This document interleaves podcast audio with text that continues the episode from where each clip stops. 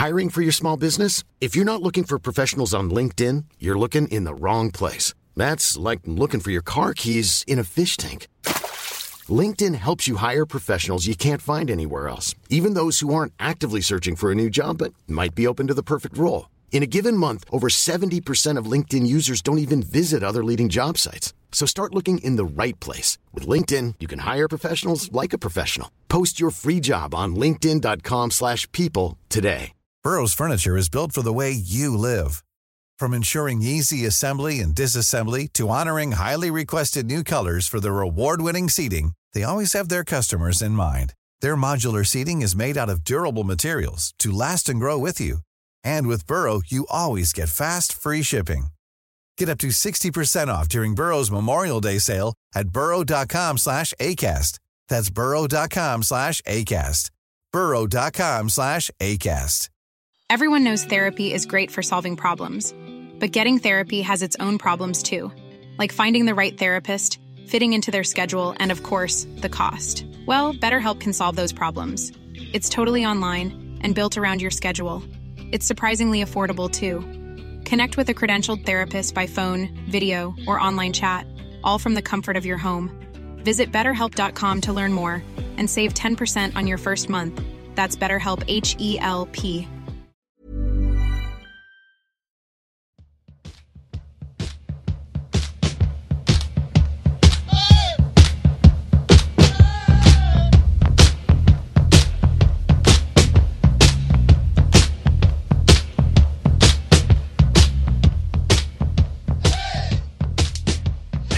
och mycket varmt välkomna tillbaka till Poddplats H, en podd om hockey och sport i allmänhet och Löven i synnerhet. I dagens avsnitt så ska vi prata om de spelade matcherna. Vi har en Game 7 mot Modo som vi ska gå igenom. Vi ska prata de två finalmatcher som har spelat hittills. Och sen ska vi även prata lite grann om referensgrupp och disciplinnämnd utan att bli alltför ilskna. Hur är läget Lycka med. Josef? Ja, när du säger referensgrupp och disciplinen blir man ju irriterad direkt. Men i övrigt så är det väl ganska bra. Eller något, något heser rösten. Jag stod på en bortastå här mot HV-match två och det, man blir ju lite glad och man kanske skriker lite så, och man är gammal. Men mår ju mycket bra av den anledningen för att vi vann. Ja, härligt. Hur är det med Jesper? Men hur bra är det inte med Jesper? Det är må- otroligt bra. Eh, framförallt efter match två mot HV. Eh, det känns som att eh, man lever igen, man är glad och eh, kollar man rent sportsligt som vi nu gör här så är det helt fantastiskt och på det andra planet är det absolut lika bra. Så att, hur är det själv då Nicke? Jo då, det är bra. Det är mycket, men det är bra. Jag ska inte klaga. Och vi är i finalspel och det är vår och det är soligt och fint och varmt och fåglarna kvittrar och så fryser man när man går ut ändå. Så det är härligt. Och så. Eh, men jag tänkte att vi hoppar rakt in i Game 7. Börjar vi med. Alltså det var ju eh, sjukt glad, men samtidigt var det inte en jättebra hockeymatch. Alltså vi stängde ju igen det. Det var ju, det var ju precis samma. Jag hade samma känsla i den matchen som jag hade vår eh, andra match mot Modo för två år sedan. När vi kladdade dit dem med 3-0. Det, alltså, känslan var densamma. Ja, alltså har det inte varit ganska många sådana matcher mot Modo om man bara kollar i år. Eh, och liksom, där var det, även om det har varit då derbymatch eller het match eller vad man nu vill kalla de här matcherna så ja, om man bara ska gå igenom alla som har varit, hur många liksom har gått i förlängning. Ja, nej, det är ju inte många. Ja, vi hade ju Nej, det ju- match ett i finalen där som gick till andra övertidsperioden. Ja, Eh, precis. Den de tog, ja. Precis. Men den har vi glömt. Den har vi glömt. Nej, jag, Nej, som var på, ju- jag som var på plats där också, det var ju, det var ju såklart märkligt. Eh, jag, jag, pra, jag satt ner med, med ett gäng moditer och vi var några lövare och vi sa väl det allihopa. Vi, kom, vi sa väl det att eh, match 7 kan gå, det är 50-50, men alla hoppades väl mer eller mindre på att det skulle bli en jämn och ganska rolig underhållande match. Eh, sen är det ju såklart inte bra för hjärtat oavsett vilket lag man hejar på, men Eh, det var väl allt annat det blev. Det var väl i början när Modo kom ut med två powerplay. Man tänkte, ja, hur ska det här gå? Men redan där kändes det ändå ganska stabilt ändå. Mm. Vad har du Men för... Alltså, vi städade ju av dem bara. Ja. Städade av dem bara rakt av. Det var ju inget snack. Eh, det är ju, vi, vi är klart bättre. Tredje perioden, match 6, är ju ruskigt bra. Eh, match 7 så fortsätter vi på samma sätt. Modo är ju fullständigt chanslös. Och det är ju, vi, städar av dem och det är väldigt, eh, väldigt bra effektivt. Och man tycker i efterhand, men hur kunde det gå till sju matcher? Ja, men hockey är hockey. Men det var väldigt skönt och väldigt bra att vi kunde städa av det där. Ja, jag kan väl tycka att kän- det kanske är klokt, eller att det är rätt att det blir en sju matchers serie. Det kändes väl ganska, ganska tufft, tufft hela vägen. Men om man kollar bara matchen där, match sju, så något vi får till är ju, som har varit lite kanske saknat, alltså om man kollar de matcherna, är ju framförallt spelvändningarna som vi får till på ett... Vi sköljer över dem med, med spelvändningar tycker jag och eh, skapar ju chans på chans på chans egentligen under hela matchen. Mm. Jo, Ja, vi dräller inte med pucken så fruktansvärt, utan vi ja, men, går för det långa, raka spelet när vi kan, chippa ut, sarg ut när vi behöver. Och eh, lyckas vi vara duktiga på att värdera lägena, tycker jag. Mm. Det är otroligt snyggt det där målet som... Var det Jakob Olofsson som gjorde eller vem det var när... Eh, kommer från back, eh, List tar egentligen emot den. Eh, Bengtsson kommer med fart i mittzon och liksom drar igenom och passar över där. Eh, det som var, det vart en av tre videogranskningar på om det var, de trodde den skulle gå på klubban eller vad. Jag tror det var Jakob Olofsson som gjorde det. Eh, den passade över i alla fall. Men Löven hade några sådana sekvenser när de liksom får komma med den farten i mittzonen. Att de droppar, nästan, droppar i mittzonen och liksom får komma med fart in, in i zon. Då, då är ju Löven riktigt farlig. Och till exempel Bengtsson som får utnyttja sin, sin fart. Där kan jag ha fel på vem som gör målet där. Men ni kanske vet vilket mål jag pratar om. Fitzgerald. Okej, ja, Fitzgerald var det. Precis. Precis. Ja, men sen måste vi bara lite grann som en parentes, men kan domare sluta ringa? Ja. Är det frå- frågan om, ja men döm mål, blås igång matchen. Alltså det, är ju, det blir ju det, det blir parodi. Men har inte det varit generellt sett mycket i år? Man har känt så. Ja, det jag tror att det har eskalerat. Det blir också som så fånigt när det är helt uppenbart att domare vågar eller vill inte ta beslutet. Man vill kunna luta sig mot någonting och efter videobedömning. Ja, men du är ju anställd för att döma. Ni är dessutom två som har liksom eh, puff, eh, simärmar på armarna. Döm bara. Mm. Ja, nu går jag igång. Men alltså det, det var så. Ja, vi ska, pra- vi ska prata mer om, om, om just det där med domarna och det lite längre fram i, i programmet. Eh, men eh, ja, jag tycker det var en lite så här halvsömnig tillställning det där ändå, Game 7. Den var inte, visst man var sjukt nervös innan, men liksom när målen började trilla in, jag tycker inte att, att det var så här, Ja, när Modo gjorde 2-1 kändes det inte jättefarligt ändå. Nej. Eh, så där, så att, nej, jag tyckte att det var, för att vara en Game 7 var den lite för sömnig för min smak. Så, eller tacksamt sådär. Jag hade nog inte varit lika nöjd om det hade varit, an- siffrorna varit åt andra hållet såklart. Du hade velat haft en avslutning som eh, Karlskoga året innan. där. ja, precis. När de jagar i kapp och det skiljer ett mål. Och så. Ja, nej, det hade man väl inte. Ja, men, Men- Björklöven ber om ursäkt till alla där ute att eh, det var varit en sömnig tillställning. Det var Game så- stora vi siffror. ber inte om ursäkt alls. In med 10-0 varje match så är jag nöjd. Vad är det för tramseri att det ska vara jämnt? Löven ska vinna överlägset. Då är det som P- bäst. PK-podden 2022. Nej, dumheter. Ja, nej, men, eh, ja, men vi städade av dem. Det var ju det var, det var ingen annat än så. Det var liksom en torsdagsstädning, helt enkelt, kan man Ja. säga. Så är det. Eh, och sen väntar ju då direkt två dagar senare så ska vi ju ta oss ner till, till eh, Jönköping med chartrat plan och allt vad det var. För att spela första finalmatchen. Och eh, jag satt innan och tänkte, ja nu är vi i final. Jag, jag hade, var som, min känsla var så här, jag hade som inte riktigt räknat med final heller någonstans i det här. Utan det var som så här, "Jaha, nu, nu är det final. Så det var lite mer så Visst, min visst känsla. var det svårt att ladda om själv också? Den moraliska finalen var ju vunnen mot Modo på något sätt. Ja. Alltså många spekulerar ju det, eh, liksom att vinner vi mot, mot Modo och liksom går vidare därifrån så är man lite nöjd. Eh, liksom nästan så var snacket lite grann. Nu, nu är ju såklart inte Löven, alltså Löven i laget nöjda. Det är klart att man, man vill ju såklart gå upp, men det kändes som att den där ska vi bara vinna. Hade vi, hade vi åkt ur där hade det varit riktigt tungt. Eh, det är ju en klassisk baksmälla som händer match 1 mot HV i alla fall. Jo. Ja, men det går ju alltså Jag tror också så här, det spelare är människor. Mm. Även fast vi vinner klart och överlägset match 7, så det är liksom att det har ju dränerats mentalt under en match och då bara ladda om. Och det är resdagar och alltihop. Det, jag tror inte att det är så lätt helt enkelt. Jag, jag hade ju inte någon, någon bra feeling inför den. Utan jag tänkte att det skulle kräva, det kommer krävas något exceptionellt om Björklöven överhuvudtaget ska... Ja, jag, inte i skuggan av en chans kanske, men jag, jag trodde ju... Jag trodde nog på förlust första, det, det ska jag säga.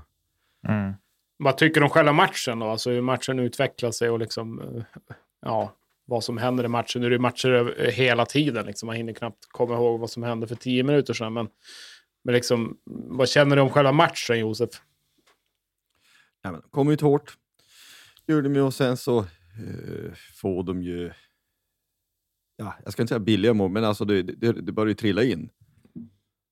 Och då är, det, ja, men då är matchen slut. Det, liksom, det, du, du vänder inte hur lätt som helst mot det där laget. Alltså det, de är bra. Så det är ju vad det är. Mm. Helt enkelt. Och det tycker man märker också. Det är ju, ja, men det är ju, det är slut efter första perioden och sen så spelar man ju av resten bara. Ja, det var lite, alltså det är precis som de har beskrivit matchen tycker jag. Jag tycker de har, alltså de har, intervjuerna med Stråle och, och spelare också, att ja, men vi var igång i fem minuter i första liksom. De var bra. Och sen, ja, men sen tappar de konceptet lite grann. Eh, och det tycker jag stämmer väl in på hur matchen såg ut också. Faktiskt. Men såklart, de hade mycket flytstudsar, tycker jag. Jag är, jag är såklart färgad, men jag tycker att det var lite mycket flytstudsar. Det var ganska billiga mål faktiskt. De fick ganska rätt billiga mål. Joselas backcheck på 2-0 till exempel. Ja, den, kallar vi, den kallar vi inte backcheck. Nej, men när han liksom ramlar där. ja, liksom, nej, det, är sånt, det är sånt som händer. Vi, vi ska inte liksom svartmåla han så, men det är, det är sånt som händer, lite för billiga mål som de får. Mm. Och sen, ja, det är ju vi också, vi är ju starka när vi får gå med ledning också. Och speciellt när vi får ett par måls ledning så är vi ju starka. Så att, eh, ja, nej, det var lite snopet att det vart som det vart, men baksmälla och jag hade i alla fall så här, vinner vi är en skräll, jag tar gärna en förlust i första, liksom, för då har vi något att bygga på till match två. Mm. Eh. Jag såg någon som kallade att eh, HV71s första period var det bästa någon har gjort i Hockeyallsvenskan ungefär. Och det satte jag väl emot ganska direkt. Alltså HV71, HV71 gör det ju bra, absolut. De, de visar ju att de är, de är ett bra lag och att de... Jag tycker de tar sig an matchen väldigt bra, HV också, när de har haft sin nio, nio dagars uppehåll och liksom Löven kommer ändå in med match i benet eller hur man nu vill tro att det ska vara positivt och de bitarna. Men de gör ju helt klart sitt jobb, eh, jobbmatch 1, Men sen att det bästa jag någonsin sett, det vet jag inte riktigt om jag kan hålla med om. Nej, det känns ju sådär, vad har ni för referenser om det där var det bästa liksom? Det, jag tror att det är mer såhär, vad är det för typ av match? Om det är en final. Det är väl det som är referensen och då när man vinner med 6-1, då är det den bästa matchen på säsongen. Jag tycker inte att det var det var ingen jättebra hockeymatch så totalt sett. Så att nej, jag tycker det.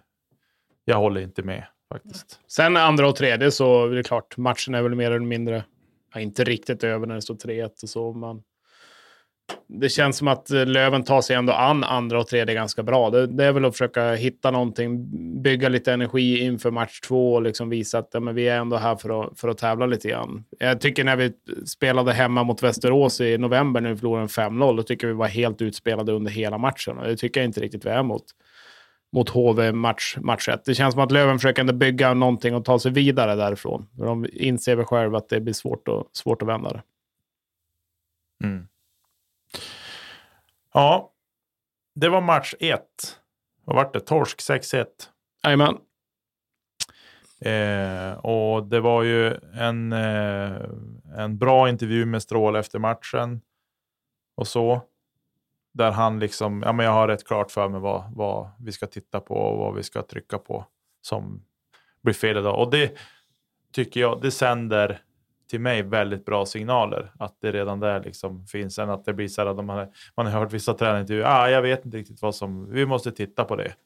Det tycker jag känner, känner, sänder lite risiga signaler. Men jag tycker Stråle han har gjort ett gott intryck under lång tid. Och, och så. Så att eh, det kändes ändå lugnt på något sätt. Den där äh, 1-0 i matcher kändes, jag var, kände mig inte jätteorolig faktiskt ändå över vad som skulle komma framöver då så att säga. Eh, sen match två, Josef, du var på plats. Ja, nej, men det var ju fantastiskt kul att eh, eh kunna gå, gå på match igen och där hade jag en annan känsla inför. Jag tänkte att det, något säkert kom det inte att bli, det är jag var helt övertygad om. Och det säger jag inte bara för att ja, men vi vet resultatet, att vi vann. Utan att ja, men nu, nu har vi kört en match, nu har de en match att bena. Vi har liksom eh, kunnat ladda mentalt på ett annat sätt, så att nu är det, det är någon, liksom något, något helt annat.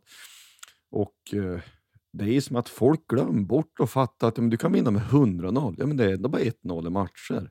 Det spelar ingen roll. Match två, om det går två övertid och det blir 0-1, ja men då står det 1-1. Alltså det, det handlar om att vinna säsongens sista match. Allting handlar om det. Och vägen dit är inte så fruktansvärt viktig på det sättet nu man, när man nu är ett slutspel. Så, jag hade bra feeling och eh, hela den grejen och det var rätt okej. Okay. Eh, eller det var bra med lövare fast då liksom, det var ingen organiserad bussresa norrifrån. Det är ju Fälla och Söderlövare och eh, jag tror det var säkert folk från Umeå som också var där. Riktigt, riktigt roligt. Jag var ledig så jag for lite i god tid och eh, på något sätt direkt. Man kom in i hallen, retar man sig på, jaha nu är det, nu är de här papperna som de har vikit runt här. Alltså jag, vad är det för fel? Alltså jag fattar inte. Det, det är för mig helt obegripligt att vuxna människor viker ihop ett papper som man planlöst vevar fram och tillbaka. Det är jättekonstigt. Du tog inte med någon hem eller? Nej, det gjorde jag inte. Det, det, här, för mig, det här är ju en C-uppsats på eh, psykologprogram eller någonting. Alltså hur vuxna människor kan bete sig på det här sättet. För mig det är jättekonstigt. Eh, och liksom man, bortsett från det lite, lite skämtsamma jag är helt hundraprocentigt allvarligt när jag ställer mig frågan till hur deras ståplats accepterar att det finns klappar i hallen. För mig är det jättekonstigt. Och ni ja. säger att ja, det är inte så enkelt. Ja, men det är skitenkelt. Man säger till klubbledningen, vi slutar gå. Eller ja. om du kom till hallen så går du ut efter en halv period så blir det tyst. Mm. Det, det här är ett problem som du, du, kan lösa, men det är ju på något sätt att den moderna hockeyn i en förening och som har hållit på länge med det, det är ju HV. Det är ju som en Bermuda-triangel av modern idrott. Om du drar ett streck mellan Jönköping, Växjö, Oskarshamn och så tillbaka. Det är ju ja, den moderna hockeyns Mordor. Eh, jag vet inte om det var fler som kände så. Jag har väl gått ut ganska starkt själv vad jag tycker om de där klapporna och tryckt upp några t-shirts som, som vi ska ha på matchen och så. Men eh, det är väl en liten rolig grej också såklart. Men, men det, är lite, det har ju lite med supporterkultur att göra, liksom att men, ta bort det där. Och sen vad jag kände när Löven gjorde 1-0 match 2. Jag var jätteglad att Löven gjorde 1-0 i match 2, men jag var framförallt glad att slippa höra på det där oljudet i tvn. För det var lite som när man såg på fotbolls-VM och vuvuzela kom igång och man tänkte vad är det här för oljud? Och nu har jag, sett, jag har ju sett Löven borta förut då, under den här säsongen mot HV, men alltså det är ett otroligt jobbigt ljud. Och du som var på plats, Josef, eh, måste ju känna det gånger tusen. Ja, nej men det, det låter ju högt. Alltså det gör det ju. Och eh, eh man kan ju fundera på faktiskt, ja, men hur högt blir den som mest? Alltså är det hälsosamt för hörseln till och med? Det kan man ju fundera på. Men det är, det är som så artificiellt. Det finns ju ingen känsla i det här på något sätt. Och jag kan ärligt säga, det, det låter kaxigt, men nu sitter vi på andra sidan och borta stå i Huskvarna. Garden, jag tycker det ska heta Rosenlundshallen. Eh, eh, är, ju, är ganska högt upp, så det är ju snett över, det är så, så långt ifrån man kan komma varandra. Men jag är helt ärlig när jag säger att ja, men då, man hör att de klappar och att de sjunger, men riktigt vad de sjunger vet jag inte. De har en stor då, trumma som dunkar på och den hakar ju klapparna på med. Men texten inom sång hör man inte mycket. Det tycker inte jag i alla fall. Däremot så ska jag säga, innan man säger någonting mer, de, de ska ha cred för de, de sjöng ju hela matchen. Även fast liksom på slutet när de fattade att vi kommer att vinna. Och även efter så fortsatte man och det får man ju ge dem att de inte drog. Men jag ska också säga, när det var kanske ett par minuter kvar av matchen, då började ju delar av sittplatspubliken gå hem. Alltså HV är på väg att ta ut målvakten och gå för det. Varför går man hem? Det är nu matchen ska avgöras. Det var jättekonstigt. Men ståplats ska ändå ha en viss cred, förutom att de accepterar klapper, vilket ju tar död på allt i och för sig. Sen har ju HV också ganska, alltså det är ju inte så vanligt, de har ju ändå ganska mäktig ståplats, alltså lite som Löven har en mäktig ståplats. Och den fyller ju ändå kortsidan bra liksom, och de har ju ett trevligt intro med liksom bra låt och allting, så att de har ju god potential. Ja, men ta bort, ta bort klapporna egentligen. Det är, det, Hockey-Sverige kräver inte mycket mer än det. Jag menar, de som, de som nu gillar de där klapporna är otroligt få jämfört med de som verkligen vill bli av med dem. Så att, snälla, ta bort klapporna så uppskattar vi er mer. Nej, jag håller inte med om det HV-sången. Den, den, den, den, men jag, Inte jag till heller. kritan så, Jag tycker den är ganska Nej, men det- klatschig. Jag tror det är 50-50 lägre än vad folk tycker. Där. Ja, men du sa just det, klatschig. Hockey ska inte vara klatschig. Hockey ska vara uh, mögellukta ångest. Eh, snarare. Nej, men alltså de har ju en, eh, det är en ganska konstig form på deras, på deras ståplats. Den är som ett V. Mm. Jag, jag tror att den är skev. Då har jag hört intervjuer tidigare att det, det är lite halvsvårt att ordna med, med tifon. De hade ju som någon slags tifo, eller ja, det var ju pappersark runt hela arenan. Och blå och gula flaggor, där har de kört i 100 år. Ja. Nej, men i, i övrigt så, alltså det är ju det är en bra hockeyarena, det får man ju ge dem. Alltså, bortsett från det här moderna tramset som genomsyrar precis allt vad klubben är. Så, så du ser bra, fast du sitter allra högst upp. Det är branta läktare. Det är lite, alltså brantheten är lite lik eh, Timrå. Alltså det är branta läktare. Sen så är det lite, lite, också lite likt Västerås. Alltså det är ena långsidan har större läktare eller högre läktare än vad den andra sa. Alltså det, är lut, det är som att det lutar lite. Mm. Eh, Men eh, det är ju... Läktarupplevelsen är ju avhängigt hur det går, går i själva matchen och där var man ju ruskigt nöjd. Men jag hade ju som sagt en bra känsla och det är inget jag bara säger utan det var verkligen så. Och när vi tog ledningen så var man ju sjukt nervös. Men när vi kunde hålla den några minuter, vi höll den ganska länge, så, så var det ändå på något vis, ja, men det, här, det här är en sån här kväll där det här kan gå. Vi behöver lite tur, vi behöver eff- effektivitet och de behöver bränna lite lägen, men det här kan ju faktiskt gå vägen. Mm. Vilket ju kändes eh, fantastiskt bra. Och jag tycker också det, det var ju bara några byten in, så insåg att det, någon, någon 6-1 kommer det inte att bli till, till, eh, till HV, den saken är säker. Mm. Ja. Och sen också, om, man, om, vi, om vi tar målen lite snabbt, eh, så gjorde ju Wiklund första, eller Olle Liss gjorde ju första. Eh, så. Men jag tror att det hade blivit mål oavsett. Han hade ju en ganska... Hutchins fick väl också något i där, när- när Wiklund drog in den. Men... Ja, precis. Men jag tänker nu just på den här matchen. Mm. Så eh, det var inte jättemycket riktningsförändring. Nej. Det var väldigt lite, så jag tror att han hade gått in oavsett. Den kanske hade tagit i målvakten lite grann, men den hade gått in oavsett tror jag. Och så. Sen fick ju Liss smeta dit den på ett riktigt fint anfall ska sägas och deras lagkapten backcheckar ju sämre än Liss gjorde mot Modo här för något år sedan. eh, och stod bara och gled och följde med. Eh, så det var ett fint, riktigt fint hockeymål och sen fick ju... Fint av Lindgren också. Peter. Ja, riktigt fint av Lindgren.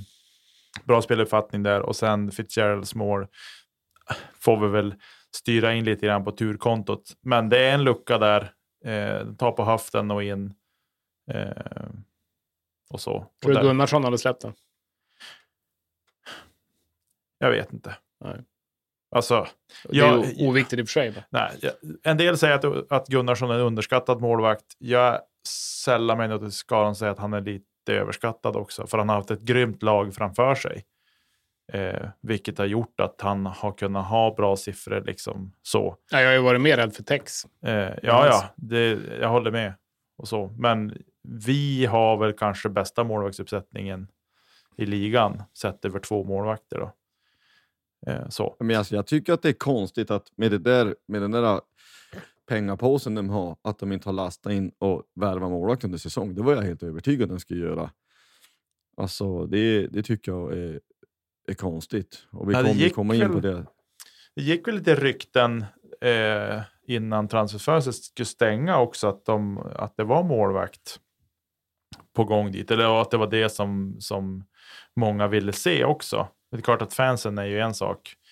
Eh, Men, men att det inte vart någonting där. Det var lite, jag håller med, jag tycker att det är förvånande att de inte hade landat någon. Ja, för vi, vi kan ju liksom rakt av bara liksom komma in på det och konstatera att han eh, skadas ju Mm. Ja, på, på något vis. Och jag, jag, jag tycker också att, återigen, vi, vi, vi konstaterar ju hundra miljarder gånger att vi är ju färgade någonstans. Men jag, jag, jag tycker att det är märkligt att backen är lite o... Vem det nu var, jag minns inte. eh, Lite oförsiktig. Jag menar att det är närkamp, men alltså att man... eh, man Tänkte du på skadan ju- eller?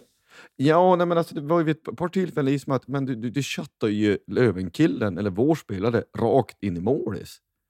mm. Alltså, jag, jag tycker att det är oförsiktigt. Var det inte Gerard som fick en eh, knuff rakt in? Men det var väl när... Det var i slutet, det var i tredje perioden. Han fick Miles Powell klev upp bakom, han har crosscheckat in egen målvakt. Och sen crosscheckade på... Och sen flög han på honom för att han hade varit på hans målvakt. Och så där bara, men vänta här nu, det var ju ditt fel att han hamnade. Han stod ju bara där. Han gjorde ingenting. Han stod ju bara där. Och så crosscheckar han in i egen målvakt och sen tycker du att du har rätt att flyga på honom. Och här, det kommer, vi kommer komma in där med domarna, men här tycker jag ingen, inte ens HV-fansen när de hade fått lugna ner sig, hade varit förvånade om han hade fått en tvåa där för crosschecking. Nej, jag tycker inte heller. Ja, HV-fansen, de är... Ja, ja. Men jag tyckte det var lite färgat och var lite enögt. Men direkt någon HV-spelare trillade så skrek ju alla. Och det, det liksom hör väl ändå till, men ibland blir liksom uppenbart fånigt. Att, men, ni, ni, ni måste ju... Ja, någon slags hejd kanske man skulle finnas. Men det är lite olika nu. Det kan nog vara ganska likt i Umeå imorgon. Eller idag då, Eh, tänker jag. Ja, men det, det förväntar jag mig och det kräver man ju nästan. Men det, det retar inte desto mindre. Men jag vill också minnas att det var någon situation i första perioden också där det var någon, någon, någon görgel. Där, där, de, där de spelare hamnade vid målvakt. Nej, men alltså, man önskar ju inte att någon ska skada sig. Ja, all, all lycka och, och, och att han ska få repa till sig.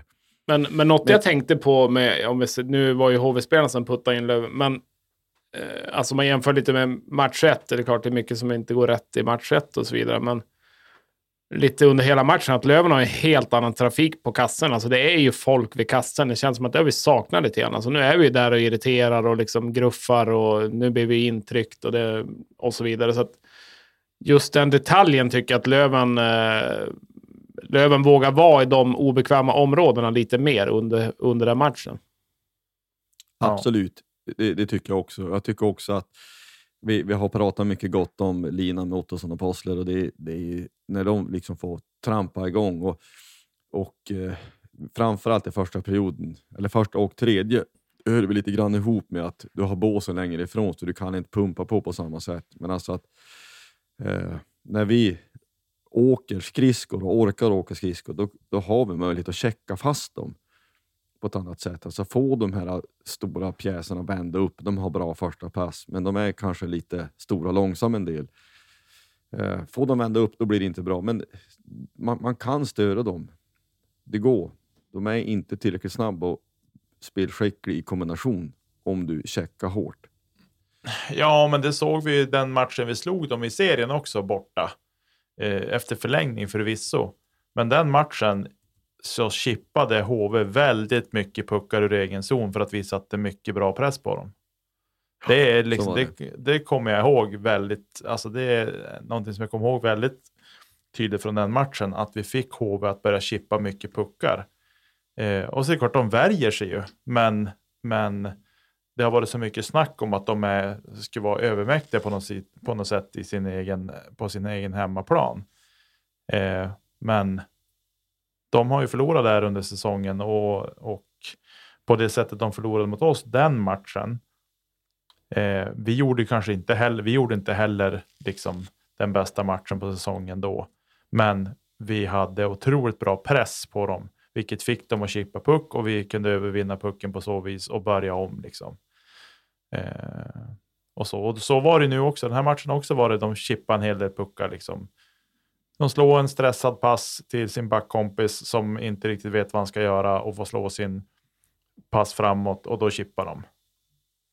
Ja, det ska ju sägas att jag tycker också att vi var ju duktiga, precis som eh, match sju mot Modo, alltså värdera lägena när vi ska liksom gå för det. Annars så liksom eh, sarg ut, sarg ut om det behövs, sarg ut löst.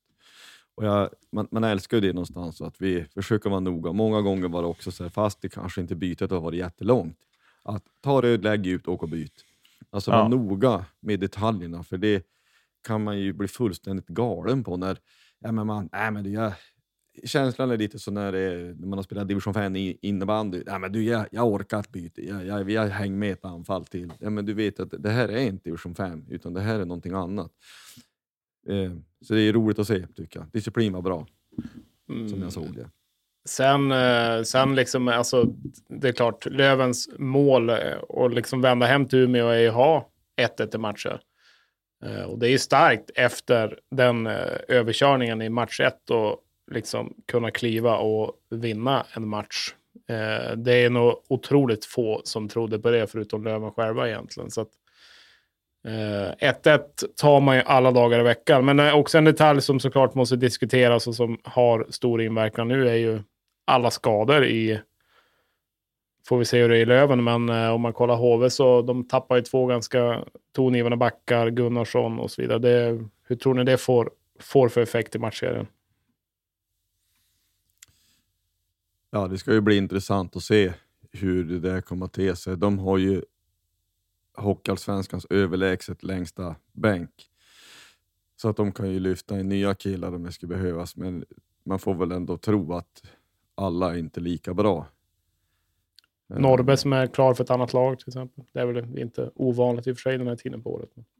Nej, nej, men han har vi ju sett på nära håll, så att nu, nu är han ganska duktig i sina bästa stunder, det är han väl. Men ja, De, de tappar Ja, ju framförallt väldigt mycket offensiv spets ja, på backsidan. De har ju, ett, de har ett bra, en bra backsida, men de tappar ju mycket med, med det offensiva lite grann. Och ja, det ser man ju lite grann kanske i match två också. Eh, lite grann, så att, nu får vi se vad Löven kan ställa upp med om, om vi har tappat någonting med det som hände under, under matchen.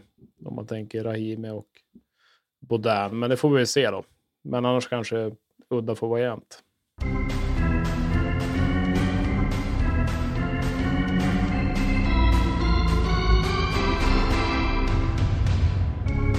Måste också nämna, när vi pratar om, om läktare och allt möjligt, så gjorde ju Aftonbladet ett reportage med käppmannen, legenden, gudfadern Heikki Tihonen. Han har ju sett flera gånger förut när jag varit på bortamatcher här på södra Sverige. Det är, ja, vilken, vilken människa. Jag hälsade på honom och pratade lite med honom. Han har hållit på Björklöven i 49 år. Han var från Vasa. Eh, och han har ju käppen för att han är ofärdig såklart. Men det är klart, när han börjar veva den där när vi leder, det, det är klart man blir glad. Det är bättre än en klappa. Det är mycket bättre än en klappa kan jag säga. Eh, Ja, det var kul. Det stod ju som sagt en, eh, en eh, artikel och ett reportage i Aftonbladet idag. Ja, VK också. Just det. Nej, fantastiskt kul. Nej, men det var roligt för hans skull och roligt för alla vi som var där. Och det ska jag säga också att när vi gör 2-1 och 3-1 snabbt, då är jag ganska säker på att det där kommer gå vägen. Det törs man ju inte säga högt till någon, men jag stod och tänkte, ska jag säga till, till den som stod bredvid att jag är övertygad om att blir där. Men eh, det gjorde jag inte, man ville inte jinxa något. Ja, men vi spelar så bra försvarsspel tycker jag. Sen kändes ju inte HV lika spetser eller lika desperata, eller vad man nu ska säga. Sen så har de ju Fredrik Forsberg, han fick ju något läge där när han skar in. Han har ju en ribba nej, där. Ja, när man tänkte också, men nu, nu hänger han ju i plockkrysset där borta. Nej, men det gick ju bra. Eh, så det är klart, HV kan ta den här matchen också, men jag tycker att vi vinner rättvist. Eh, det är en, ingen seger som vi ska överhuvudtaget be om ursäkt för. Men sen lite green connection. Wessel kändes ganska osynlig. Mm. Ja, Det är väl inte, inte bara han, men ja, jag vet inte. nej, nej, han ju, gjorde inget jättestort väsen av sig. Kommer, kommer bort. Just. Men eh, hur som helst, det kommer ju bli... Tänk att vi går vidare till match, match tre som är idag. Det kommer ju vara ett helt annat HV, lite grann som Löven lärde sig mellan match ett och match två. Så det är klart att HV kommer lära sig ganska bra mellan, mellan match två och match tre. Vad tror du, Nicke? Eh, ja, vad tror jag? Vad vet du? Vad vet jag? Nej, jag, jag, eh, jag, jag hoppas ju såklart att vi vinner. Det är, allt annat är ju konstigt att säga. Men eh, jag tror att det kommer bli en tajt tillställning faktiskt. Och det är lite grann så här, nu har, nu har HV fått två matcher i benen också. Eh, var det lite slaggprodukter i benen på dem i, i eh, match två? Liksom, hur det där, de, liksom, en av dem har ju tränat på under sitt uppehåll såklart, men träning är något annat än match. Så är det bara. Det är en annan anspänning. Det är liksom, ja, allting är annorlunda på så vis. Så att jag, ja, det ska bli intressant att se. Jag menar, Löven är igång. De har spelat, håller på så här i över en vecka nu. Eh, och eh, jag tänker väl, det är lite så här, det är klart man blir lite orolig hur det är med Bedouin till exempel.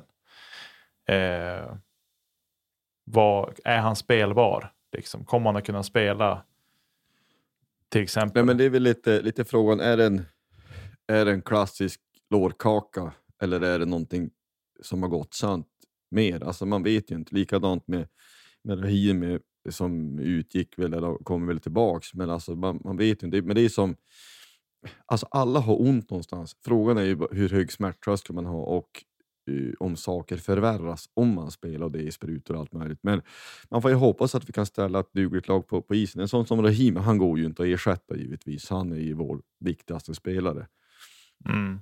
Nej, nu hade man lite anden i halsgropen när man såg att han utgick. Eh, nu kom han ju tillbaka. Leif hade en ganska rolig text där i Aftonbladet om det, men eh, nej, det är klart att Rahimi tycker jag. Jag tycker han är hela slutspelets MVP, inte bara i Löven, utan eh, av alla lag. Så att eh, utan Rahimi så ser jag det ju som otroligt svårt att kunna kliva upp. Ja, det, det, det blir svårt. Men jag, jag, eh, jag flyger upp ja, idag när ni lyssnar på det här och det ser jag fram emot så mycket maniskt. Alltså jag har inte sett en match i Umeå eh, utan restriktioner sedan 2017, så det alltså, ja, det ska bli så fruktansvärt, fruktansvärt roligt eh, att ställa sig på, på ståplats. Och det, det var länge sedan jag stod där, så jag, jag tänker att det kommer att bli en jätterolig upplevelse. Bara den saken och liksom ansikten man känner igen allt på det sättet. Sen faktiskt en detalj, att få se Björklöven spela i gröna tröjor. Det har jag inte gjort på flera år. Det är mm, på det sättet alltså, utan restriktioner återigen. Så det ska bli fantastiskt kul. Förväntan inför, alltså jag, jag, det är klart att man tänker att, att vi ska vinna, beroende lite grann på hur man ställer upp lagen. Men jag tänker oavsett, vi, vi har de förutsättningar vi har. Att det, man har de spelare man har. Och jag tänker också att nu har vi också fördel, det är i alla fall en liten fördel att, inte, um, att vi bestämmer bytena. Också så vi kan matcha upp lite grann som vi vill på ett annat sätt. Mm. Jag utgår från såklart att Jona kommer att stå. Eh, men vi vet att skulle det mot all förmodan hända något knas så har vi en, en bra som öppnar båsdörren. Men det här är ju intressant. Vi måste ju nämna då att, eh, eh alltså att HV nu när, när Gunnarsson är borta så lånar man ju in växelkeepern där, Åman. Mm. Och eh, det är ju intressant hur, ja, hur, ja, men hur ska man se på det? Vad tycker ni? Ja, alltså jag, jag har inga jättestora eh, konstigheter med det. Var, var inte... Det var väl snack om att Löven skulle låna in Källgren inför eh, slutet av i fjol. I fjol där och eh, då hade man väl tackat och tagit emot just där då om vi... Nu ville ju inte Källgren det. Eh, men ja, jag vet inte. Alltså systemet är ju som det är och eh, just det här med att regga 3D-målisar och liksom namnge och så vidare tycker jag är ganska töntigt egentligen. Eh, men jag vet, jag har ingenting emot det så att HV gör det. Jag menar, det finns och det går att göra. Eh, de tar den möjligheten. Sen kan jag ju tycka att de kanske skulle ha med, med deras kapital och det de har bränt kanske kunna, kunna satsa på sina egna och sådana bitar. Får vi se om man står också då. Men jag har faktiskt ingen större, större åsikt kring det hela. Vad tänker du Nicke? Eh, jag är så här, jag tänker så här att man, att man listar upp en extra målvakt under slutspelet, när det kan, som nu för Gunnarsson till exempel, att han gick sönder, förmodligen en, en ordentlig sträckning som gör att han inte kan spela. Eh, så här, ja men fine att man listar en tredje mål som man tar in, men för mig blir det någonstans så här oavsett, så jag är lite så här, jag kanske blir lite eh, att det är viktigt att den som har varit andra keeper under säsongen, det är han som ska stå. Där är jag. Jag tycker någonstans, ja men nu är det Filip Larsson som ska få chansen. Eh, om vi hade, om vi säger att Voutilainen ska gå sönder och så plockar vi in eh, han från, jag kommer inte ihåg vad han heter, han från Timrå som vi har listat som tredje målvakt. Så för mig är känner jag så nej, han ska inte in och stå. Det är ju andra som ska stå. Eh, nej, det håller jag med om också. Där, så, så tänker jag. Och såklart, vi kanske, vi har, vi har förmodligen ligans bästa målvaktspar. Det har inte HV haft. För vi, Filip Larsson har inte, jag vet inte hur mycket han har stått, men, eh, men ändå.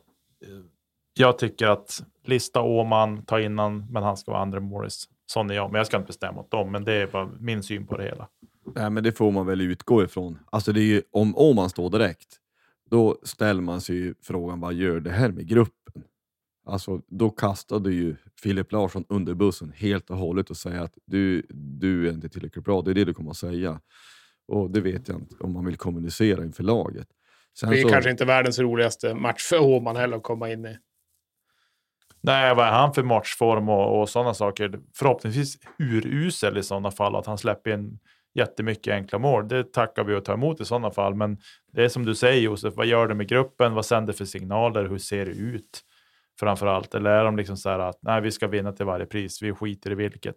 Kosta vad det vill. Det ser ju väldigt desperat ut. Det gör det ju. Ja. Men, men jag kan ju förstå att de tar in honom, men jag kan väl hålla med om att, att man kanske ska... Nej, som... Jo, du måste ju ha två målvakter, ja. så det är inget konstigt att de tar in honom. Men just vad, vad gör man utav det så att säga?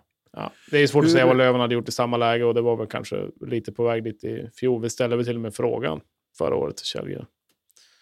Han var väl listad som tredje målis? Jo, men sen om vi istället för, ja men skitsamma. Men eh, jag har, personligen har ingen jättestor åsikt kring det hela. Sen kan jag tycka att systemet i sig kanske är lite snedrivet, men då får man väl, får man väl kolla på det i så fall. Men alltså, vet ni hur det funkar? Jag tänkte ju det igår såklart, ja, men när Gunnarsson klev av. Då har de ju mm. en ombytt målvakt. Har de en Junis som sitter på läktaren eller har de någon på speed dial? Som de det är han som kör ismaskinen. Ja, de har någon vaktmästare. Nej, men alltså, ja, det utgår ju kallt ifrån att det, men det är klart att de ser till att det kom någon tredje keeper som byter om. Att, ja, men om det mot precis all förmodan blir att Larsson i det här fallet skulle ha skadat sig också. Det måste man väl ha löst på något sätt? Ja, men, jo, ja, men, men det... så är det ju. De, det har ju hänt någon gång. Det hände väl i fjol under slutspelet tror jag också. Att det var någon målvakt som, han var ombytt. Han fick, men han fick, han fick, han fick inte, han fick inte sitta på bänken, han fick sitta där ismaskin körde in mm. på en mm. stol ombytt och klar. Eh, ja, men Jona, det var ju bara en match mot Modo ju. Alltså, vi hade väl en junior som öppnade Båstad någon match där. Alltså när han gjorde illa sig på uh, uppvärmning, var det inte så? Ja, han följer ju med. Alltså, vi har ju haft med honom på... Ja, han var ju med nu också. I, Oliver har ju följt med i alla matcher. Ja, så, så, ja, men, det, ja, men då, är det ju, då har vi svar på frågan själv väl. Alltså att den, den tredje keepern finns någonstans. ja, hallen. han finns i, i hallen. Ja, ja. ja, ja. Ja, nej, men det, det vi pratar med väl också, ja, men det du nämnde, det var väl liksom NHL, att det finns en sån här emergency, emergency snubbe. Och då har ju hänt vid något tillfälle att den har fått stå. Mm. Du kan få samtalet imorgon, Josef. Du, du vet, jag har aldrig haft på mig en målvaktsutrustning i hela mitt liv. Och skrattar är det jag. Du har känsla i alla fall. Ja, men ja. på vad? Sen har ju jag och, eller jag har ju lovat dig massarin också, så att det ska vi lösa. Det Alltså, det är måste, parentes, men dock så viktigt. Det fanns ju inga massariner på bortastå. Vad är det för amatöretablissemang? Fesljummet kaffe och barnkakor i Delicatobollen vart ju vinsten då, så nu vet man hur man gör nästa gång. Nej, men det, det, det, är för dåligt. Det är för dåligt. Ja. Eh, match fyra, ja, vi får ju se. Men det, är, vi har, vi vet, det, det enda vi vet är att vi ska spela två hemmamatcher nu. Eh, och sen ska vi åka till Jönköping igen, det vet vi. Det är liksom klart. Sen med vart vi är i matchserien, vad det står och sådana saker, det vet vi inte såklart. Nej, man ska inte våga så drömma sig bort heller om vi, vad händer där och vad händer då. Utan det är en match i taget. Tar vi matchen idag, onsdag, så... Ja. Ser det bra ut? Då ser det riktigt bra ut. Då ser det bra ut. Nej, men det är också så att matcher lever på något vis ett eget liv. Det är därför det på ett sätt är svårt att... Ja, men vi har ju pratat om match 7 men det känns ju som överspelat på något sätt. Det har ju hänt, inte i tid så många dagar, men det har hänt så mycket ändå. Det har spelats mm. matcher, man har haft det, det är känslor upp och ner. Och det kommer man ju att tycka på fredag också. Och sen så är det ju såklart, vi har varit inne på det tusen gånger, det kan ju hända så mycket med skador. Men vad, vad, vad är det för lag vi har på fredag? Och vad har de för lag på fredag? Det vet man inte riktigt heller. Men oavsett vilket, jag, jag kommer att stanna ett par dagar och kommer att se både onsdag och fredag. Det känns riktigt, riktigt kul. Men när vi Mm. är inne på match två här så tyvärr, jag tycker inte att det ska behövas, men det måste ju pratas om både dömning, nästan svensk hockey i stort, det finns en referensgrupp och eh, det finns en disciplinnämnd. Alltså vad är det för, ursäkta, vad är det för skämt? Alltså vad är det för skämt amatörmässig ledning som styr svensk hockey? Jag, jag tål den inte. Jag menar, ni, jag, jag var ju på plats, jag ska ärligt säga, jag såg inte riktigt det här med Baudin för att vi spelade upp pucken. Hade ett uppspel så när, liksom, men vänta det ligger ju en kille där nere. Då såg jag först inte vem det var. Hur var er upplevelse när ni såg på tv? Visades det repriser till exempel? Eller Det hur? visades en repris eh, direkt, en ganska dålig repris faktiskt, men det är väl den som har rullat. Eh, jag vet inte om de hade någon mer vinkel på kameran då, men eh, ja, man är ju såklart färgad, men eh, jag förstår inte. Jag sa direkt att det där måste de ju kolla på. Det där är ju en solklar femma, minst tre matchers avstängning efter första gången man såg den. Men eh, ja, jag förstår inte alls. Jag tycker det jag varit otroligt förvånad att, att det inte blev en femma till, till att börja med. Eh, det var ju första smällen, men sen att den inte ens går vidare för koll eh, Eh, gör mig otroligt förvånad och förbannad. Eh, och liksom, vad sänder det för signaler för resten av matchserien? Och kollar man runt på vad övriga hockey-Sverige tycker, alltså inte bara lövare, eh, även HV-supportrar, eh, liksom de som eh, finns ju vissa som inte tycker det, men även HV-supportrar tycker själv att det är otroligt konstigt att den inte ens går vidare, att det inte blir någonting. Så att, Eh, Eh, jag tycker de det är nästan läge att göra en pudel och liksom ursäkta, det har varit fel. Det är klart att han ska kollas på lite grann för att jag tycker det, det sätter det sätter andra tacklingar som har fått, fått avstängda och så vidare. I, ja, det är skrattretande tycker jag. Jag, tycker det, jag brukar inte kommentera domarna så, men jag tycker det är horribelt. Det är fruktansvärt dåligt faktiskt. Ja, alltså nu, nu får ni säga, håll i hatten. Eh, ursäkta om det här blir en lång rant, men alltså jag, det här finns ju en frustration som ligger latent och har gjort, ja men det är ju många herrans år. Alltså jag, jag, I stort så tycker jag att svensk hockey har utvecklats diametralt fel i 10-15 år, kanske mer. Eh, när nuvarande ordning med playout, allsvensk final, allt vad det heter, det är, en, det är en ensamutredare som heter Ola Lundberg som har utformat det. Eh, man ställer sig frågan, är det rimligt att en människa ska ha så mycket att säga till om vad det gäller svensk hockey och det som gäller så otroligt många människor? Det bestäms att det ska vara en fallskärm på 6 miljoner eller vad han är. Ja, men det går ju såklart rakt in i truppen. Det är fånigt att säga annat. Ursäkten är att folk inte ska behöva få, få sparken i ledningen, men det är ju dumheter, bullshit vill jag hävda. Men rätta mun efter matsäcken, det får precis varenda människa göra. Det borde också en hockeyförening kunna göra, oavsett om man trillar ur SHL eller inte. Man pratar om att man vill ha tröghet i systemen och jag vill ju se tvärtom. Fotbollen har i allt väsentligt, just vad det gäller seriendelen, så mycket att lära ut i hockeyn. Är det lätt att åka ur? Är det lätt att gå upp? Svår, så svårt ska det inte eh, vara. Och vi, vi var inne på för något avsnitt sen att hockeyn har ju varit att bötfälla kritik. Och jag tycker snarare att man ska försöka fundera på varför man inte rannsakar sig mer istället. Man pratar om att det är en arbetsmiljö för domare till exempel. Ja, men det är en arbetsmiljö för spelare och ledare också. Med dåliga funktionärer så blir den dålig. Rent konkret exempel nu. Nu är det två stycken domare som jag inte tycker är superbra. Eh, inte de sämsta, men det är inte de, de bästa heller. Och eh, Jag uttryckte också en viss skepsis mot tvådomarsystemet. Jag tycker att det är bra. Men problemet är ju att ofta är det tyvärr den, den sämre av de två som märks mest. Men det är en annan fråga. Eh, det finns massor, eller det finns ett gäng SHL-domare som inte dömer. Varför dömer inte de här? Jag tycker att det är helt obegripligt. I det här konkreta fallet har domarna misslyckats att fatta ett rätt beslut på isen. Och det säger jag på ett sätt ingenting om. Det må så vara, man kan missa det. De borde ha sett det, det är helt uppenbart. Men varför rättas inte det här felaktiga beslutet till? Vi har en domarchef i Hockeyallsvenskan som heter Björn Wettergren. Eh, jag vet inte om ni läste det, men eh, det står ju så här, jag läser in ur en artikel i Expressen, att efter matchen har situationen mellan Hutala och Baudin varit uppe hos domarna, referensgruppen, som diskuterat fram och tillbaka. Men kommit fram till att den inte kommer att anmälas. Eh, domarbasen Björn Wettergren säger så här. Den har snurrat hos referensgruppen och kommer inte skickas vidare meddelanden. Hur har ni kommit fram till det?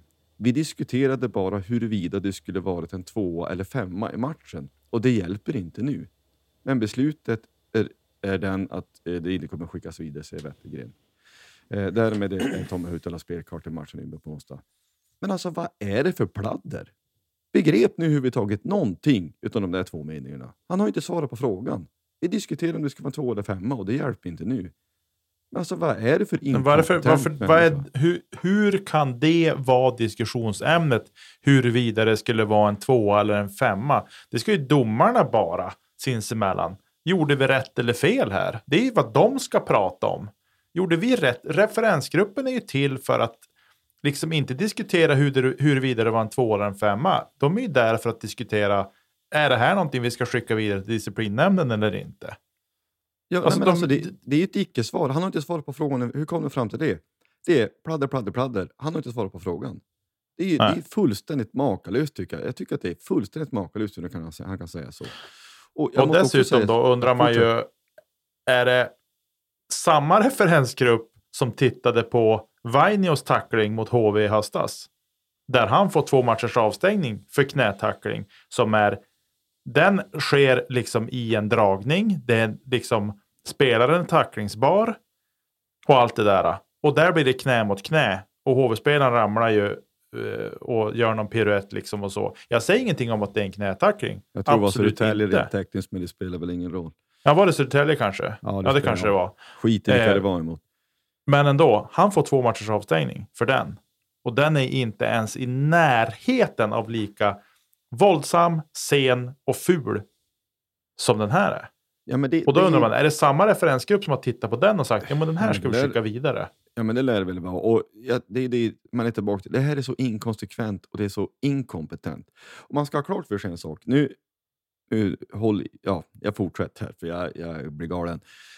Den här referensgruppen, den- den består ju, vet ni vilka som sitter? Det är Mikael Sundlöv, gamla Brynäs-snubben, det är gamla domaren Peter Andersson och Per Ledin. Per Ledin har dubbla svenska mästerskap med HV71. Någon skulle säga då som en parentes, han har spelat i Löven också, ja men det är mycket längre tillbaka sen. Han har mer än dubbelt så eh, många matcher eh, som eh, i HV som han har i Löven. Och jag, på ett sätt så spelar inte det någon roll. Jag tycker att det bevisar min tes. Man kan inte ha gamla spelare där man överhuvudtaget ens i teorin kan misstänka jäv. Den här gamla domaren Peter Andersson, han fick kritik för att han gick på HVs guldfest 2017, som då var en finalserie som han hade dömt. Har det här haft någon påverkan? Ja, det vet jag inte. Men jag fattar inte att man inte begriper. Det ska aldrig någonsin behöva finnas misstanke om minsta lilla jäv. Det här är så oerhört amatörmässigt och det gör mig galen. Jag har en, en kompis som sitter i fotbollens disciplinnämnd för övrigt. Det här skulle man aldrig ha accepterat där överhuvudtaget. Där ersätts en ledamot vid minsta lilla misstanke om jäv. Och det här handlar inte om att jag har någon konspirationsteori om, om HVs eh, inverkan på något beslut, för det är inte det det handlar om. Men det ska inte finnas minsta lilla näring till en sån konspirationsteori. Och för att Mm. avsluta detta, jag tycker att den här Wettergren är ju helt uppenbart inkompetent. Och i en normal organisation så hade ju han fått en uppsträckning, eller ännu hellre fått gå på stående fot bara. Men om du tänkte, jag har, jag har jobbat som yrkeschaufför. Ja, men det är ungefär som jag som taxichaufför. Jag har en, eh, en sjukresa till Umeå, men jag får feeling. Så jag kör någon helt annanstans. Och lämnar av någon på något helt fel ställe. Bara för att jag, men alltså, han har inte skött sitt jobb. Han är ju helt, har gjort, det här är så vansinnigt bakvänt och fel. Och det retar en så fruktansvärt att den sport som vi, eller som jag och vi älskar och, och, och på något sätt följer otroligt mycket, att det styrs av klåpare. I det här fallet så är det vi som eh, har blivit förfördelad. Andra gånger är det säkert garanterat andra. Men hockeyn, Hockeyallsvenskan eller hockeyn i stort, det får inte skötas så här amatörmässigt. Jag tycker att det är för dåligt. Det är bedrövligt. Mm. Nej, jag håller med. Tack för mig, hej. Ja. Nej, jag håller med dig det- Josef. Det, Jag håller med om allting du säger.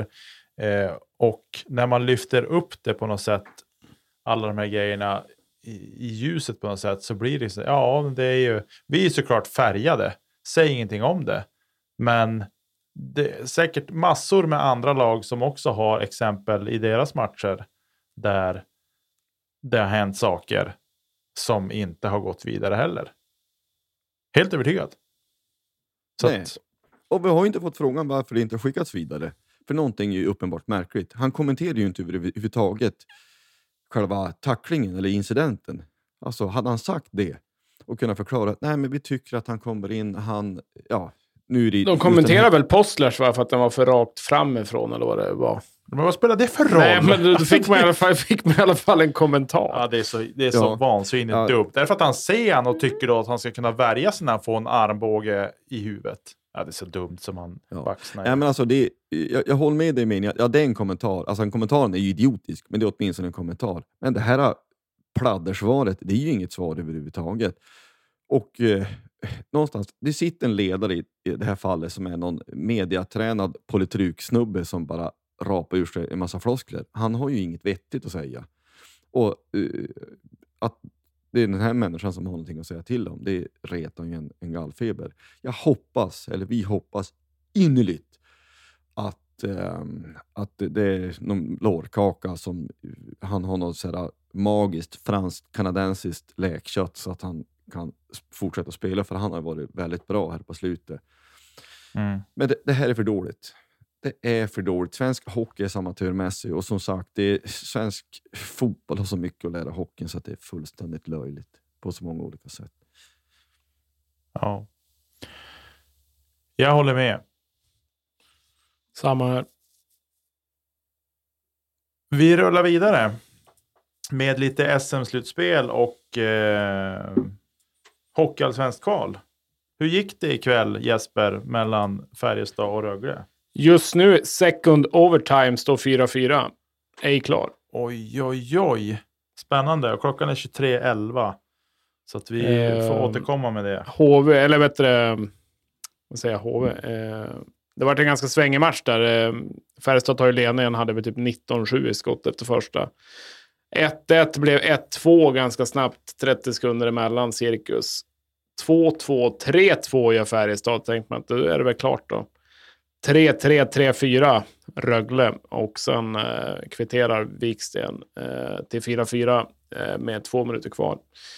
Eh, Just nu står det 46-25 i skott till Färjestad. Vad det nu säger, de hade ju ganska stort övertag under första. Men eh, it ain't over.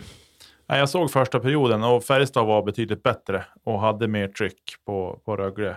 Och så Rögle kom upp några gånger och hade några farliga chanser, men, men just spelmässigt och så, så var Färjestad tyngre och såg tyngre ut. Tror du, eh, lite som när Modo hade Game 7 där, nu kan det ju bli Game 7 där om nu HV vinner, men tror du, tror du Bulan och eh, Omark och gänget i Luleå mår dåligt just nu? Nej, det tror jag inte. De gick ju ej planenligt för mig vidare till final. Ja, jag tänkte nu när de här får tampas med varandra lite extra. Ja, nej, jag tror... Ja, jo. Det är väl klart att de gottar sig lite grann i det. Såklart. De hoppas väl på en del skador också kanske. Eller kanske de hoppas kanske inte, men att det... Nu vet vi ju inte, och när det här släpps så vet vi ju hur det, hur det har gått och vilka som har gått vidare. Eh, kanske även under tiden vi spelar in klart. Men säg att Färjestad lyckas vinna och ta sig vidare så gör de ju en eh, stark upphämtning på en ganska svag inledning på säsongen. Eh, Rögle har väl varit ganska, inte favorittippad kanske, men däromkring. Så att, eh, ja, det är spännande. Eh, helt klart. Väldigt. Och i det hockeyallsvenska kvalet så är det ju också ganska spännande där Ja. i toppen. Ja, det har ju tajtat till sig här. Eh, Östersund hade en fin, fin match mot Hudik. Ja, senast. nej, men de vann med 6-2 där och eh, eh, Östersund leder. Ja, man spelar åtta matcher ska vi säga. Eh, 17 poäng, det har också Hudiksvall. Och Nybro har 16. Så det är väl de tre som gör upp om det jag utgår ifrån. Nu har jag inte grottat ner men det här så mycket. Jag utgår från att Dalen har någon slags eh, teoretisk chans på 13 poäng och eh, med maximal flytt med andra resultat. Men det är Östersund, Hudiksvall och Nybro som gör upp om det här. Eh, Östersund har väl ett ganska... Ja, kollar man spelschema så ska jag väl nästan säga att Hudik har det mest gynnsamma spelschemat. De har ju Dalen hemma och avslutar med eh, Halmstad som är ganska avsågade, en poäng på åtta matcher, eh, borta då i slutet. Och eh, Östersund har eh, Halmstad hemma ska de ju såklart vinna, inom, men sen har de ju Nybro borta sista matchen. Um, så att om vi säger mellan de två lagen så Ja, kollar man bara spelschemat och så, så ska jag nog sätta en liten slant på eh, att Hudiksvall ta det där. Ja, det är väl det här klassiska kva- klas- kvalserien, att ja, men vem möter vem? Alltså man har så lite flyt med spelschemat och att man Ja. möter lag som ingenting har någonting att spela för. Fast å andra sidan har man ju sett tusen gånger, jaha, har man ingenting att spela av så vill man liksom avsluta snyggt sista matchen. Så det, ja, det, ska, det är svårt, svårt att tippa. Jag tänker väl, eller man tycker väl att Hudiksvall egentligen ska vara bättre, men det spelar ju ingen roll. Nu är det mycket nerver också där. Oavsett Alltså skulle, så... om vi säger så här, om, om matcherna går som, som man tänker att, att eh, Östersund, Hudik och Nybro vinner sin näst sista, sista match. Så då är det 20, eh, vi ska säga, då har de 20, 20, 19 i poäng. Östersund har 20, Hudiksvall har 20 och Nybro har 19 poäng. Och skulle det då bli så att, att eh, Ursäkta, breaking news. Färjestad vann 5-4. De är i final. Ja, jag såg det också. 23.15 är klockan nu när Färjestad gör 5-4 Linus Johansson, matchminut 91. lagkapten. Eh, men i alla fall, om Halmstad skulle slå Hudik i säsongens sista match och att Nybro slår Östersund, då är det Nybro som går upp till Hockeyallsvenskan. Ja, det är, ja, det är verkligen spännande och Men det är lite uppdukat för Hudik måste jag säga, för jag tror att det kan bli en tight match mellan Nybro och Östersund. Om man får Ja, spekulera man ju lite. Tro. Det får man ju tro. får man ha någon, eh, ja, Östersund eller Hudik ser jag gärna upp. Gärna Östersund faktiskt. Om, eh, bara det att man har grönt och gult på sina tröjor. Det är fruktansvärt långt till Östersund. Det, det är som att det känns närmare att åka till Hudik. Eller Problemet när man väl är i Östersund också, det är liksom att hur tar jag mig härifrån, känner man lite grann. Alltså det är ju inte nära till någonting. Eh, min sambos eh, bror bor i Östersund, så ibland får man ju ta den där trippen och ja, det, det är ju inget drömställe på så sätt. Det är ju verkligen mitt ute i ingenstans, men om inte annat så hade man ju haft en anledning att fara på hockey där. Ja, men Kanske Vladimir se- Krutov har ju spelat i Östersund. Det bör premieras. Ja. Nu, nu hoppas jag inte att Löven spelar i den hallen nästa år, men vi vet ju inte. Nej, precis. Ja, nej, det ska bli intressant. Det, det vet man inte. Nej, men på något sätt, vi får väl knyta ihop lite säcken här. Vi, vi är väldigt glada att vi har 1-1. För det, det är goda förutsättningar. Det säger ingenting om, om någonting. Men folk måste ju börja på ändå lära sig att eh, en seger är ingen seger. Och det, det, är, det är fram till fyra som, som allting gäller. Jag kunde inte låta bli att citera det med lyssnade på den, var det, ja, det var någon podd, jag lyssnar ju mycket på poddar. Var någon, någon podd idag där eh, Håkan Södergren pratade med 4-1, det kan vara lite väl generöst, det kan bli 4-0 i matcher. Men efter en match kamma till det, du måste väl ändå vara med så pass länge. Och vad då skönt att Olle Lis inte höll med. Ja, precis.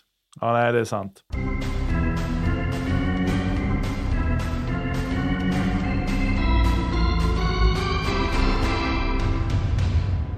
Tänkte säga så här att på fredag kommer vi att släppa ett till avsnitt med tillsammans med Jon Palmebjörk. Också, så det blir ett litet specialavsnitt med honom. Och så. Eh, uh, var, nej, det var kul att Jon, Jon gästade. Uh, trevlig, trevlig gubbe och bjöd verkligen på sig själv och, och liksom sin karriär och, och sådana bitar. Det är ju en favorit och nu sitter jag ju till och med med en, din favorit Josef Lynx kepa, men framförallt så är det ju Jon. Det är Jons keps och han betyder mycket för, eh, för en själv och för, för alla lövare. Uh, en stor profil. Vad tyckte ni om att snacka med han? Det var trevligt. Mycket trevligt och, och intressant att få höra lite insida också. Faktiskt. Ultrasympatisk människa. Och han avslöjar även eh, Chips smak i och för sig till match tre då. Men eh, tänker chips går ju alltid att äta.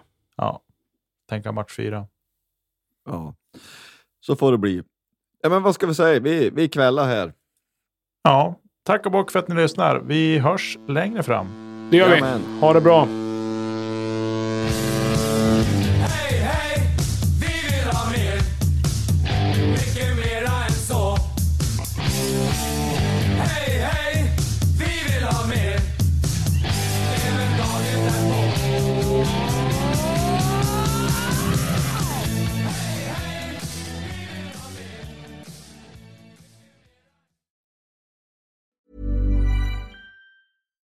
When we're on a budget, we still deserve nice things. Quince is a place to scoop up stunning high-end goods for 50 to 80% less than similar brands. They have buttery soft cashmere sweaters starting at $50, luxurious Italian leather bags, and so much more. Plus, Quince only works with factories that use safe, ethical, and responsible manufacturing. Get the high-end goods you'll love without the high price tag with Quince. Go to quince.com slash style for free shipping and 365-day returns. Mom deserves the best, and there's no better place to shop for Mother's Day than Whole Foods Market. They're your destination for unbeatable savings, from premium gifts to show-stopping flowers and irresistible desserts. Start by saving 33% with Prime on all body care and candles. Then get a 15-stem bunch of tulips for just $9.99 each with Prime. Round out Mom's menu with festive rosé, irresistible berry chantilly cake, and more special treats. Come celebrate Mother's Day at Whole Foods Market.